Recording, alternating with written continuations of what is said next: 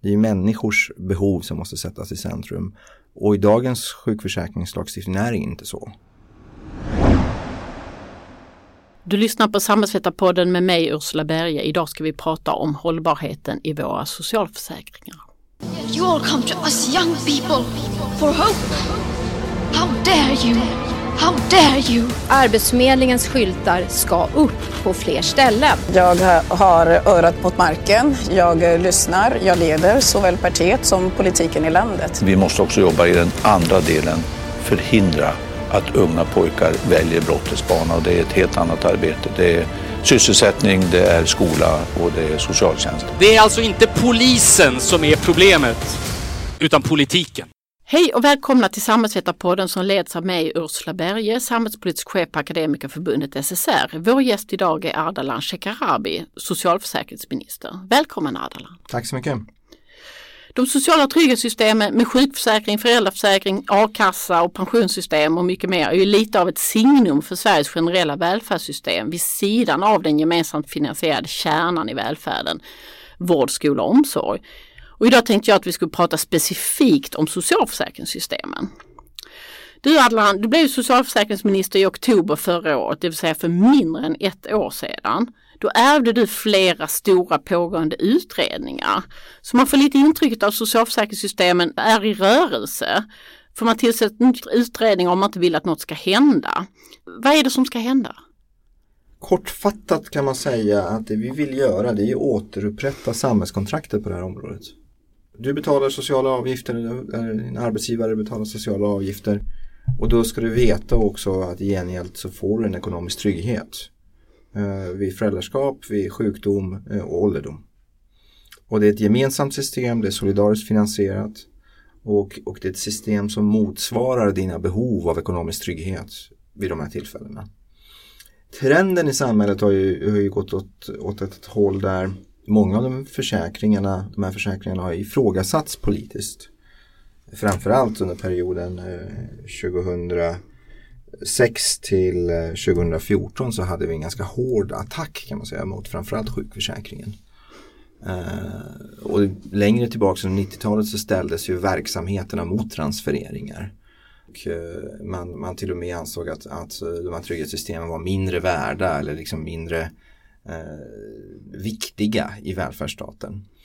Corona har vänt upp och ner på saker och ting kan man säga. För att det vi har sett under coronakrisen det är att vid sidan av välfärdsverksamheterna så spelar ju de ekonomiska trygghetssystemen en väldigt avgörande roll i människors trygghet. Eh, vi fattade ju massor med beslut om, om temporära åtgärder inom ramen för socialförsäkringssystemet när corona bröt ut. Och det var ju en ganska brutal påminnelse till det politiska systemet om att de här systemen är väldigt viktiga eh, för att vårt samhälle ska fungera och för att människor ska ha den ekonomiska tryggheten när de råkar ut för olika saker i livet. Mm. Du säger att, att vi ska återupprätta samhällskontraktet och så nämner du några exempel på där, eh, inte minst kopplat till corona. Men om du bara försöker, vilka delar av eh, trygghetssystemen, de ekonomiska trygghetssystemen menar du som har förändrats på sistone tycker du är farligast för att bryta samhällskontraktet? Det är flera olika delar. Eh, dels är det så att, att det ekonomiska skyddet för personer som är långvarigt sjuka, alltså längre än 179 dagar, det skyddet har begränsats och försämrats kraftigt. Sen har vi gruppen som, är, eh, som har slitit ut kroppen, som är nära pensionsålder. De har ingen väg, ingen ventil längre. Eh, trots det ska ju pensionsåldern höjas 2023 men det finns liksom ingen lösning för ekonomisk trygghet för de människor som har jobbat med kroppen och slitit ut kroppen. Det som tidigare kallades för förtidspension eller sjukersättning idag eller någon form av tidig pension. Den, den ventilen finns i praktiken inte. Eh, sen har vi grupper som jobbar eh, i otrygga anställningar, behovsanställningar. De omfattas inte i tillräckligt stor omfattning av de här försäkringarna. Dessutom är ersättningsgraden låg eh, i relation till hur lönerna ser ut idag. Vilket gör att många fackliga organisationer måste bygga egna försäkringar eh, som eh, så att säga toppar då den, den allmänna försäkring som, som eh, erbjuds av, av, av det allmänna. Så det finns ganska många saker att ta tag i det första steget för att eh, börja hantera detta det är ju att erkänna att de sociala försäkringarna är en central del av vår samhällsmodell. Och därmed ifrågasätta eh, den här diskursen som har handlat om att ställa eh, arbetslinjen mot de här försäkringarna eller tidigare diskursen som handlar om att ställa välfärdsverksamheter mot de här försäkringarna. Mm. Jag tänkte ta en fråga som, som var en väldigt, väldigt het fråga för några år sedan och som var det här målet som, som man hade satt upp i politiken att man skulle eh, komma ner till max nio sjukpenningdagar per år och per person. Upplever du att det målet var ett problem för den här tilltron i systemet? Det jag har lärt mig under de här snart 12 månaderna som jag har hållit på med de här frågorna i den här rollen det är att många av de eh, brister som vi har i skyddet, det ekonomiska skyddet för, för eh, personer som är sjuka beror på hur regelverket ser ut. Sen är det klart att regeringens styrning av myndigheten, eh, i det här fallet Försäkringskassan, har också en betydelse. Men man ska liksom inte underskatta värdet av lagstiftningen och vad lagstiftningen säger om vem som har rätt till olika försäkringar. Eh, jag menar om vi skaffar en hemförsäkring så, är ju, så vet vi ju att villkoren i hemförsäkringen är avgörande för när vi kan få ersättning. Och så är det också i, eh, i sjukförsäkringen. Villkoren som bestäms i, i lagstiftningen är avgörande för vem som får rätt till den här förmånen. Och vi kommer inte ifrån att de lagändringar som drevs igenom framförallt 2008, de har gjort regelverket betydligt mer restriktivt. Vilket innebär att när man väl börjar tillämpa de här reglerna, vilket har skett under de här senaste åren framförallt när Försäkringskassan lagt om sin rättstillämpning och utgår ifrån vad lagstiftaren ville 2008. Ja, då får du ju effekten av att män många människor blir av med, med sin sjukpenning efter den 179 dagen. Och det är en trend som har tagit fart. Så det är klart att regeringens styrning har viss effekt. Mm. Men i grund och botten, jag som jurist ser ju det här från ett rättsligt perspektiv. Lagstiftningen är väldigt restriktiv. Eh, vi är till exempel ett av få, kanske enda landet i jämförelse med jämförbara länder som inte har särregler för äldre. Eh, vi har extremt restriktiva undantag för om man får behålla sin sjukpenning när man väntar på sin operation eller rehabilitering. Vilket gör att många inte får behålla sin sjukpenning trots att de inte är friska än. Så det är lagstiftningen som är problemet i grunden. Mm. Och vi kommer in på det för vi tänkte att vi skulle gå in på det här med rehabiliteringskedjans konstruktion. Men eh, från och med regleringsbrevet 2019, det vill säga det du ärvde, så finns det inte med det här målet om nio dagar. Är det bra att det togs bort? Ja, jag har gjort bedömningen att eh, det är naturligt att fokusera på stabiliteten i försäkringen. Eh, sen har vi kompletterat eh, den skrivningen i, i regleringsbrevet med också ett uppdrag som beslutats nyligen av regeringen som handlar om att Försäkringskassan måste förbättra sina utredningar säkerställa att, att den försäkrade verkligen erbjuds rehabilitering, att man inte underlåter att vidta rehabiliteringsåtgärder bara för att man utgår ifrån att personen i fråga kommer bli av med sin sjukpenning dag 179. Så jag är övertygad om att de, den styrning och de styrmekanismer som vi har i, eh, i regleringsbrevet behövdes kompletteras med det uppdrag som nu utgått till Försäkringskassan bara för ett par veckor sedan. Eh, och där har vi en kritisk ingång. Vi är kritiska också delvis till hur tillämpningen sker. Framförallt så är vi kritiska till att vi ser en trend där färre erbjuds eh, insatser. Eh, det är poängen med rehabiliteringskedjan var ju att människor skulle få hjälp med rehabilitering. Men om människor inte får rehabiliteringsinsatser för att de ska bli av med sin sjukpenning, då har vi problem. Så därför så har regeringen också gett mycket tydligare uppdrag till Försäkringskassan att jobba med utredningarna, jobba med rehabiliteringsinsatser. Mm. Och jag tänkte rehabiliteringskedjan det var ju någonting som den dåvarande alliansregeringen införde 2008 och sedan dess har den reformerats många gånger. Bland annat ändrar man det här med det som var rätt mycket stenhårda stupstockar till att mm. istället bli kontrollpunkter. Och det man bara lite kort kan säga det är att efter 90 dagar ska man bedömas mot sitt ordinarie arbete och efter 180 dagar fram till 180 dagar andra arbeten hos arbetsgivaren när man får sin arbetsförmåga bedömd. Men du, du pratar mycket om det här 180 dagar eller 179 mm. dagar och det är ju när man är, har varit sjuk ungefär ett halvår då och, ska, och arbetsförmågan ska prövas mot det som heter normalt förekommande arbete. Vad var det som du upplever är det största problemet med den formuleringen och som ni också har en utredning som har, har tittat på? flera problem. Det ena är att det är inte alla som, som hinner få sin operation eller rehabiliteringsinsats innan dag 180.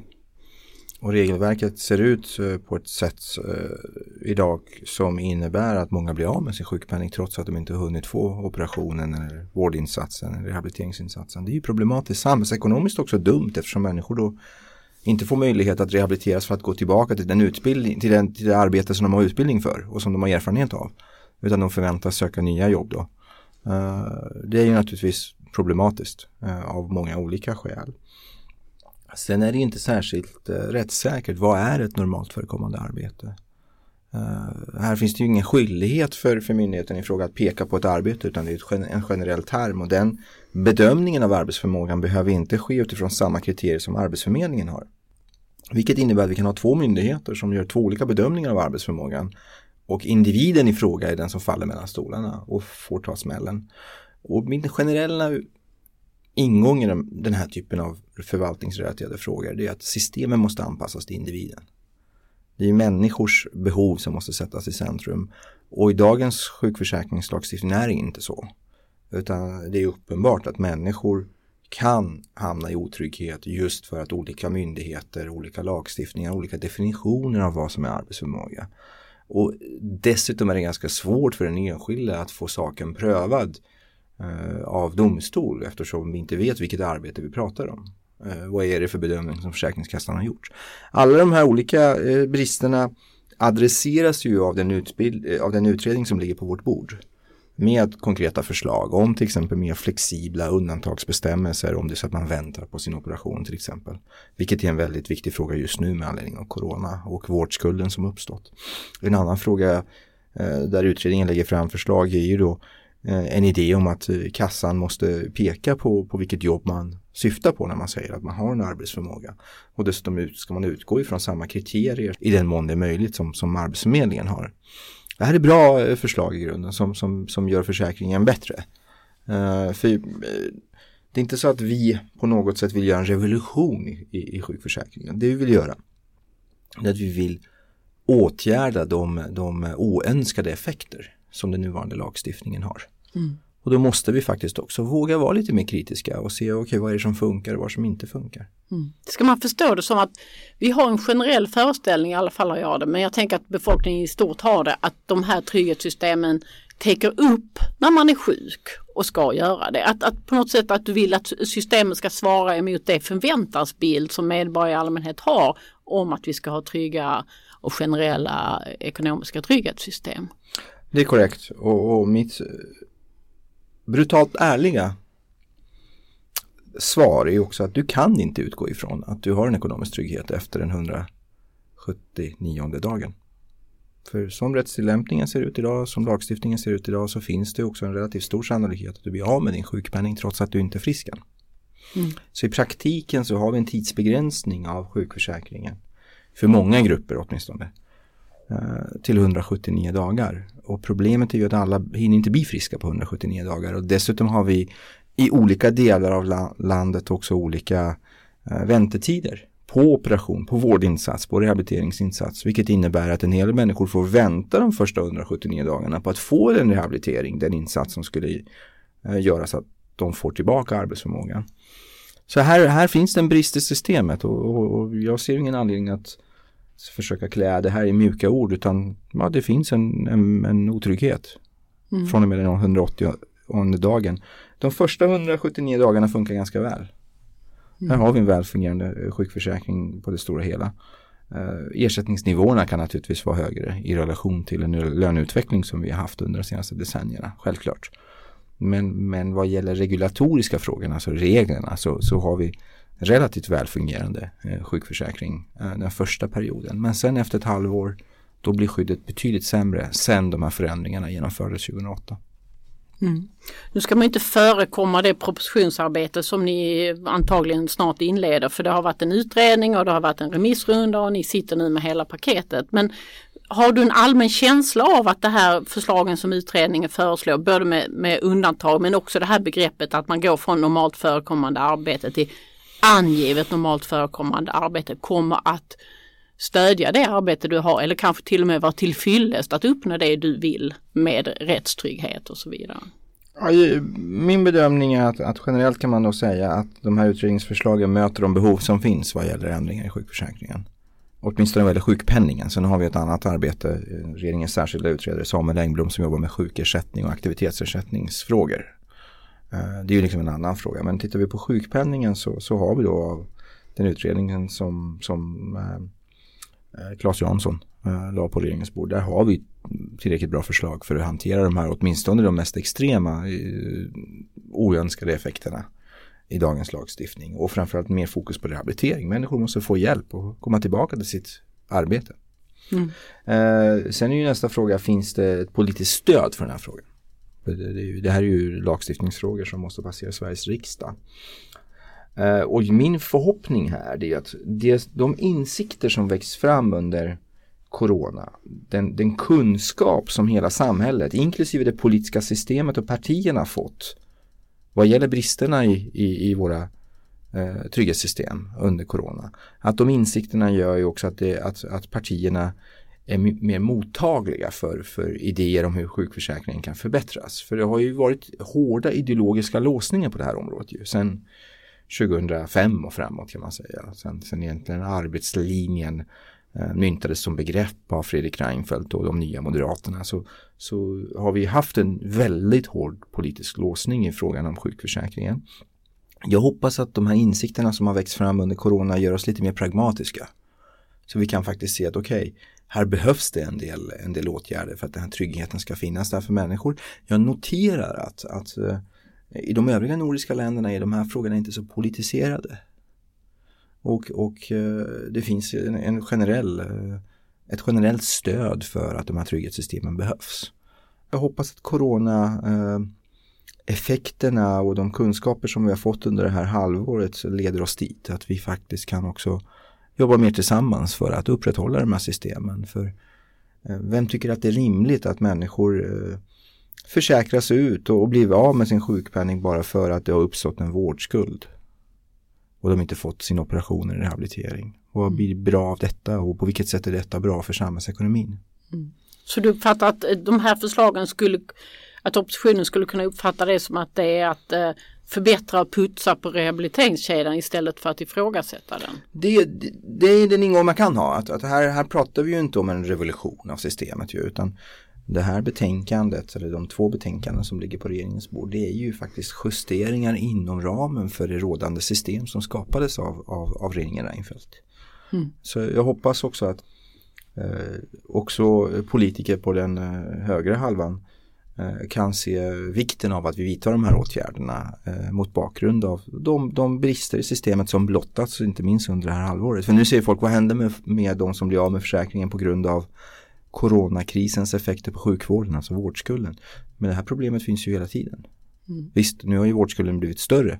Men det är klart att det är massor av människor som inte hinner få sin rehabilitering och sin vård. Och som blir av med sjukpenningen utifrån hur reglerna ser ut idag. Mm. En annan del som också Claes Jansson som du nämnde som utredde den här eh, första delen eh, har varit inne på. Det är det här som man skulle kunna säga att man på olika sätt eh, försöker modernisera eh, sjukförsäkringssystemet. Och även om arbetslivet inte förändras riktigt så snabbt som folk tror så är ju andra former av anställningar än tillsvidareanställning ändå någonting som, som finns. Och han har utrett det här med hur sjukförsäkringssystemet ska vara robust riktat till behovsanställda. Och hur, hur följsamma upplever du att våra trygghetssystem är kopplat till anställningsformer som inte är tillsvidareanställda heltider? Ja, här har vi ju ett betänkande, slutbetänkandet av Claes Janssons utredning som visar att vi har allvarliga brister vad gäller eh, inkluderingen av de människor som har otrygga anställningar in i, i socialförsäkringssystemet. Och det innebär ju att det finns massor av människor med så kallade behovsanställningar som inte omfattas av, av eh, sjukförsäkringens eh, skydd det där blir ju väldigt problematiskt inom äldreomsorgen om vi ska prata om eh, spridning av sjukdomar. Om människor inte har ekonomiska tryggheten eh, så att de kan stanna hemma när de är sjuka. Ja, då finns det ju en risk att de går till arbetet trots att de är sjuka. Och då bidrar de till att sprida sjukdomar, vilket har blivit en väldigt aktuell fråga nu under det här året med anledning av corona. Men egentligen är det ju en fråga som är aktuell inom äldreomsorgen i alla år. Mm. Eh, så där har vi några förslag på vårt bord som innebär Eh, justeringar av systemet så att vi får bättre kapacitet eh, lagstiftningsmässigt för att kunna inkludera dem med behovsanställningar i, i, i vår sjukförsäkring. Och eh, det där är en, en väldigt aktuell fråga ju. För en sak är ju att, att förbättra systemet för de som redan är försäkrade och som så att säga har rätt till, till har kvalificerat sig in kan man säga i, i försäkringen. Men en annan fråga, hur ser vi till att de som idag inte kvalificerar sig in i försäkringen för att de har otrygga anställningar, hur ser vi till att de kommer in? Eh, så att de helt enkelt kan vara hemma när de är sjuka och, och rehabiliteras när de är sjuka. Mm. Och det är ju allt möjligt från den här gigjobbarna som alla pratar om nu för tiden till eh, springvikarie i vården, sms-anställda och så vidare. Upplever du att det förslaget han kommer med faktiskt eh, klarar av att ge dem den trygghet som motsvarar den, ska säga, det arbetskraftsdeltagande som de har? Eh, det finns säkert mer som måste göras. Vi ska eh, jobba med de remissvar som eh, kommit in nu med anledning av, av slutbetänkandet. Men det är i alla fall en bra start. Ingen tvekan om det. Mm. Och det här handlar ju både om att göra systemen robustare, begripligare, förutsägbara, tryggare och modernare. Känner du att det här, alltså vi kommer in på fler saker sen, men känner du att de här åtgärderna sammantaget flyttar fram de sociala eh, ekonomiska trygghetssystemen i vår tid så att säga? Alltså att de blir så moderna och, och robusta som, som eh, vår tid förväntar sig i alla fall så tar vi några steg i den riktningen. Sen kan man ju också ställa en fråga, eh, ska vi, ska vi eh, låta bli att, att, att verka för att eh, få bort otrygga anställningar? Ska vi liksom anpassa alla system? Jag tror vi måste göra både och. Alltså anpassa systemen till den verklighet som vi har idag. Men sen parallellt med det, inte minst genom facklig kamp, försöka få bort den här typen av otrygga anställningar. Eh, det är ju minst lika viktigt naturligtvis. För, för Eh, otryggheten för de som har behovsanställningar handlar ju inte om bara om bristerna i sjukförsäkringen utan det handlar ju om många andra delar, dimensioner i livet som påverkas av att man, man saknar en, en grundläggande trygghet i arbetet. Mm.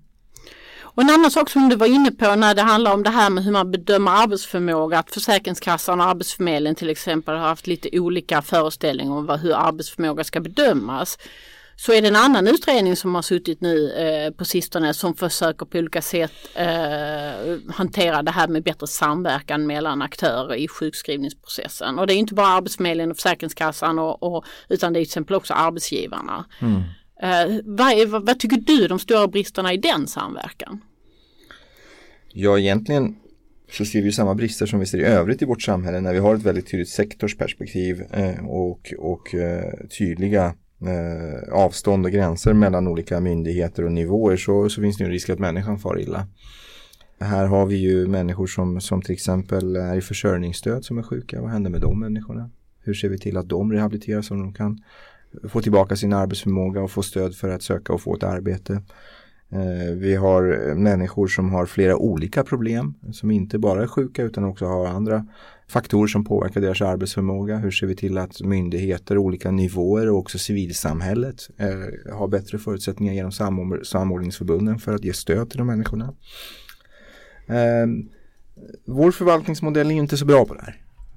Ja, det kan jag säga som, som eh, jobbat med förvaltningsfrågorna i, i fem år i regeringen. Att, att det finns massor med styrkor med den svenska förvaltningen. Inte minst alltså oberoendet i rättstillämpningen. Och, och, och, flera skyddsmekanismer mot korruption. Det finns liksom väldigt bra delar med, med vår förvaltningsmodell. Men när det gäller samverkan så är dock förvaltningsmodellen ganska svag. Eh, vilket kräver då extraordinära strukturer för att man ska kunna samverka. Och därför samordningsförbunden liksom skapades. Va?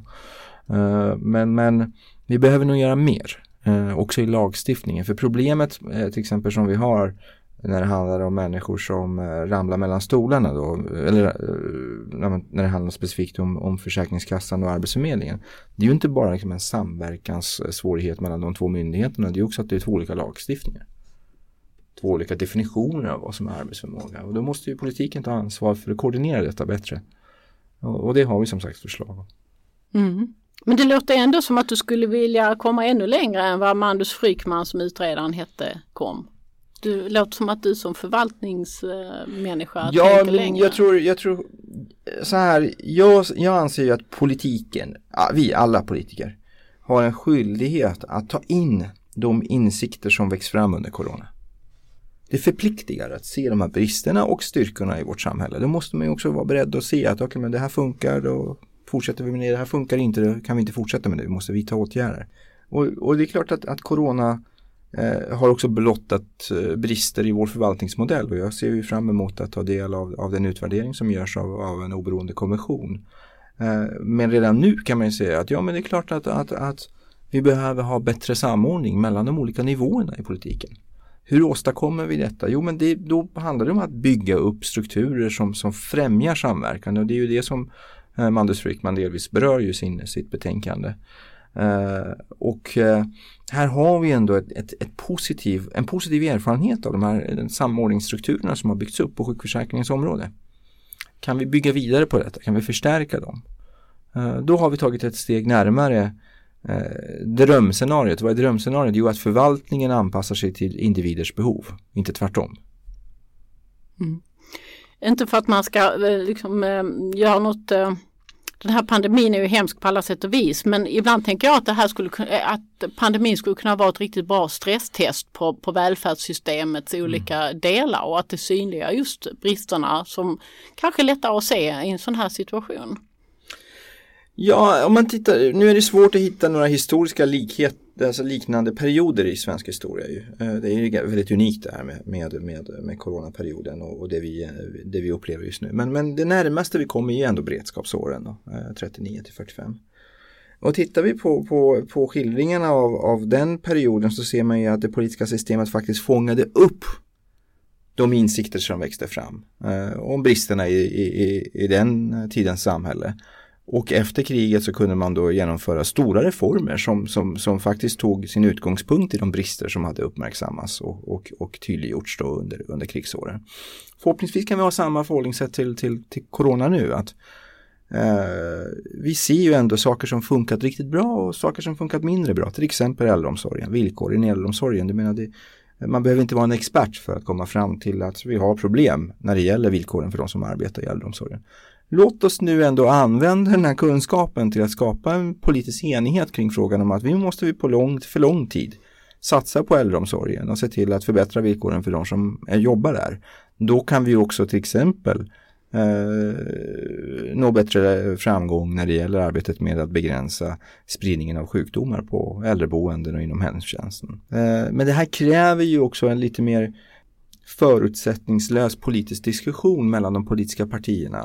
Kräver att vi tar oss bortom de här ideologiska låsningarna som har funnits i Sverige de senaste decennierna i synen på eh, organiseringen av den offentligt finansierade välfärden, frågor som handlar om, om skyddet för arbetstagare, frågor som handlar om trygghetssystemen. Mm. Eh, man upplevde att den samsynen fanns i kanske mars, april, maj men kanske inte lika mycket nu. Hur ska vi komma dit att den samsynen blir eh, gemensam? Jag, jag, tror att de fackliga organisationerna har en viktig roll här och parterna generellt sett. Jag tror att, att, att ni spelar en viktig roll här. Att utifrån den verklighet som, som, som ni är nära, som era medlemmar är med och formar och som är en del av. Eh, också skapa en miljö där de politiska partierna kan mötas och, och samtala och föra en dialog eh, om verkligheten. Dialogen, eh, annars det politiska samtalet är ju inte alltid verklighetsförankrad. Den bygger ju ofta på, inte sällan i alla fall, på, på ideologiska föreställningar. Det kan ju ha sina styrkor men det kan också handla om, om symbolpolitik, om signaler, om, om, om eh, vad som når fram till medborgarna i den här samtiden med sociala medier. Då behöver vi miljöer där vi kan sätta oss i lugn och ro och föra en dialog om, om verkliga problem som finns i vårt samhälle. Och, och era medlemmar de ser ju bristerna och styrkorna i det här samhället. Låt oss då få, en, få igång en dialog som handlar mer om, om hur verkligheten fungerar i offentliga verksamheter. Eh, då tror jag att vi har också bättre förutsättningar att ta oss förbi de här ideologiska låsningarna som har präglat svensk politik i så stor utsträckning de senaste decennierna. Mm. Det har inte alltid sett ut så här ju. Jag menar, det, det, det, är ju, det är ju de här låsningarna som, som, som vi tar för givna just nu och som har kanske präglat de senaste mandatperioderna i svensk politik, till exempel när det gäller synen på offentlig organisering. Eh, de här låsningarna fanns ju inte om man går längre tillbaks i, i svensk politik utan det fanns liksom också en dialog mellan socialdemokratin och de borgerliga partierna om, om, om de här frågorna. Låt oss försöka få igång den dialogen igen. Mm. Och vi eh, uppfattar på alla sätt att vi får den där bollen. Mm. du, jag tänkte prata med dig om tillgängligheten till våra ekonomiska trygghetssystem. Det, har ju, det finns debattörer som beskriver att den är all, det är alldeles för lätt att inkvalificera sig i dem och att, vi måste, att de försvårar drivkrafterna att arbeta. Vad är din bild av detta? Ja, det gäller ju inte eh, socialförsäkringarna i någon större utsträckning utan där har vi ju kvalificeringsmetoder. Ju. Föräldraförsäkringen eh, hade en del eh, Eh, brister eh, vad gäller rimliga eh, krav. Eh, de bristerna åtgärdades ju. Eh, men i övrigt så, eh, så bygger ju våra socialförsäkringar på kvalificeringsmodeller som, som, som hänger ihop med den inkomst som man har haft. Ju. Däremot finns ju inom socialtjänstlagen, alltså ekonomiskt bistånd, så har vi en annan modell ju, som bygger på behovet hos den enskilde.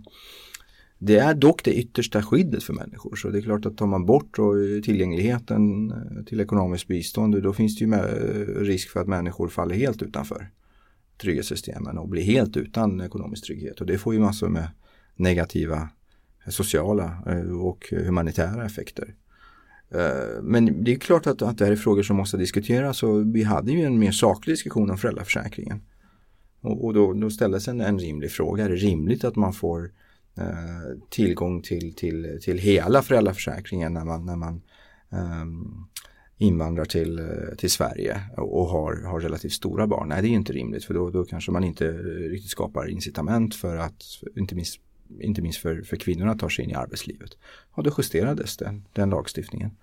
Och det är så vi måste förhålla oss. Det skapar, skapar en del av, av bestämmelserna i socialförsäkringen Eh, fel incitament eller, eller fel effekter. Ja, då måste vi vara beredda att hantera dem. Men jag ser inte något generellt problem. Eftersom våra socialförsäkringar bygger på inkomstbortfallsprincipen bygger på en, en, en, kvalificering in i systemen. Den kvalificeringen kan ju få negativa effekter, att massor av människor faller utanför systemet till och med. Det är en sån här motsatt effekt här, till exempel vad gäller sjukförsäkringen och de som har behovsanställningar, otrygga anställningar. Mm. Men vad tror du är syftet med att den här debatten lyfts då? Nej men det, det är klart att det finns krafter i samhället som inte gillar socialförsäkringarna. Som, som, som har en annan ideologisk uh, utgångspunkt. Som, som vill ha privata försäkringar som ersätter mm. Eh, de offentligt solidariskt finansierade systemen. Och då kan ju det här vara ett sätt att, att, att ifrågasätta den nuvarande modellen. Eh, jag såg eh, senast var det ju en debattörer närstående Timbro som, som framförde sådana åsikter. Och, och, det handlar ju inte bara om kvalificeringsfrågan utan de ifrågasätter ju egentligen hela, hela den svenska modellen med, med socialförsäkringar. Dock måste jag säga att det är lite verklighetsfrämmande med tanke på att eh, en av styrkorna i den svenska hanteringen av corona har ju varit att vi har de här systemen. Vilket har inneburit att människor har kunnat stanna hemma när de är sjuka och därmed har de bidragit till att begränsa smittspridningen. Så varför ska vi slå sönder det här? Snarare borde vi bygga vidare på det här och, och, och ta tag i de, de, brister som finns i systemet. Inte börja gå mot en mer amerikansk riktning där vi tar bort de här socialförsäkringarna. Mm. Hur ska man tolka det här att man får intrycket av att uh, det här att de diskuterar att det är så kravlöst och så vidare. Att, att det ändå finns de som tror att det är kravlöst. Att eh, riskerar vi att få en situation där, där det är en verklighetsbeskrivning som, som slår rot? Alltså, någonting som har slagit mig eh, sen jag började hålla på med det här området då, eh, sen förra oktober det är att det finns en eftersläpning av, av, av bilden av socialförsäkringarna. Alltså man, man utgår ifrån många gånger i debatten som att socialförsäkringarna ser ut som de gjorde 2006. Det gör de inte. Vi har inte världens mest generösa socialförsäkringar längre.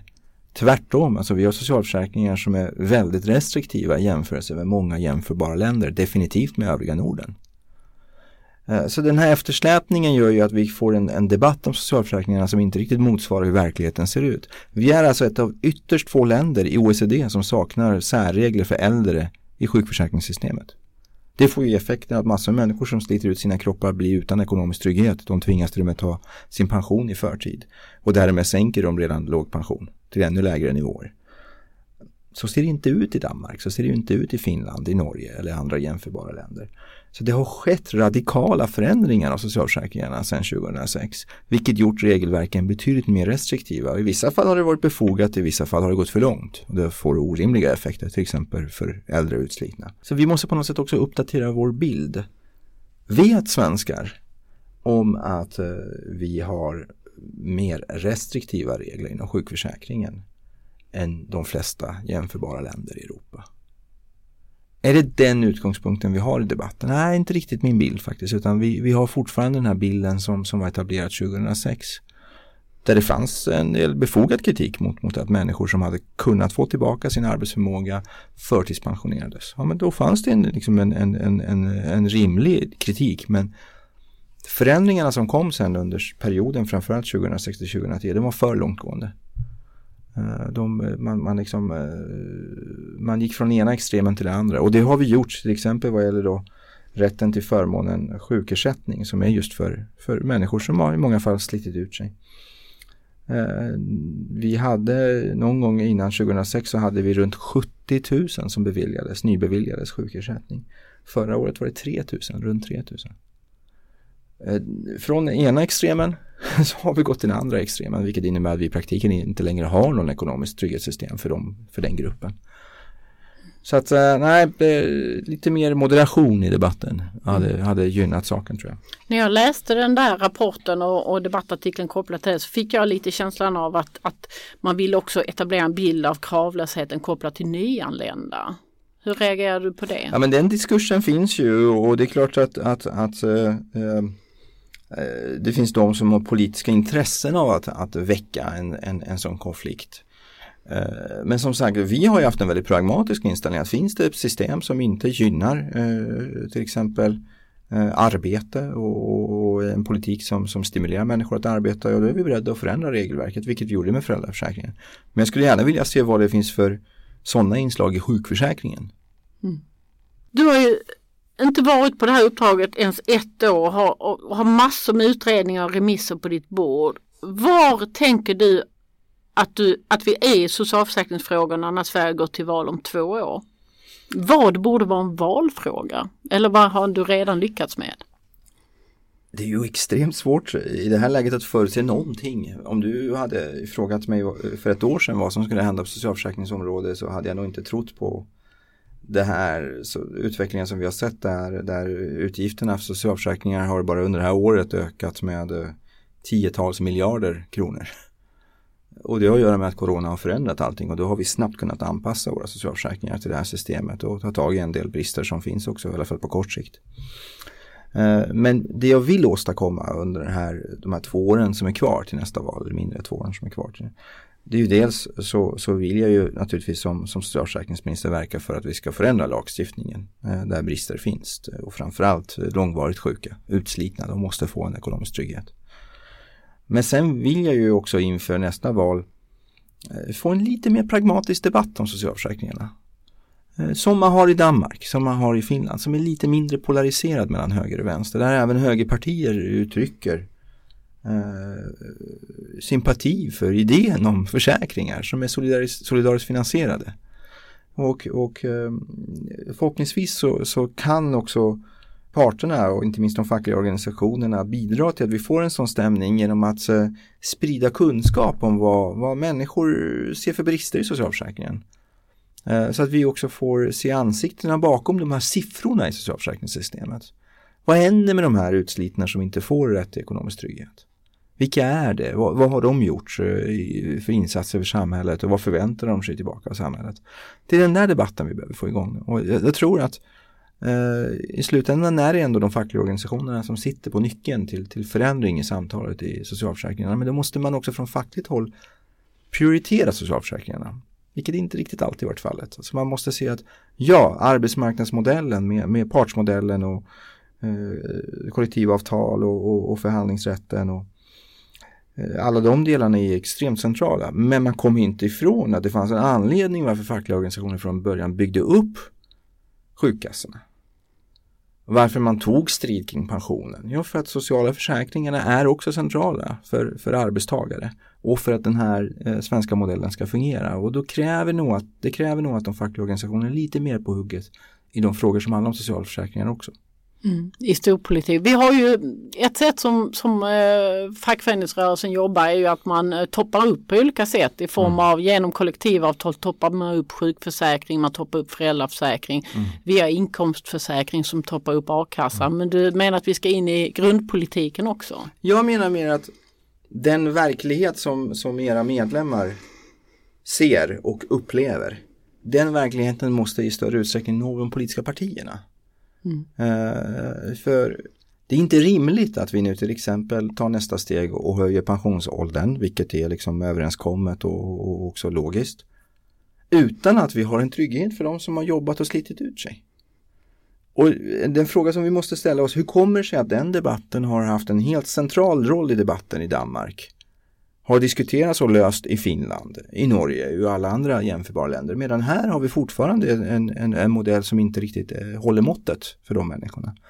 Där menar jag att politiken och de fackliga organisationerna måste samverka mer om, om, om vilken bild av verkligheten som, som bör vara utgångspunkten i samtalet. Mm. Tack Ardalan.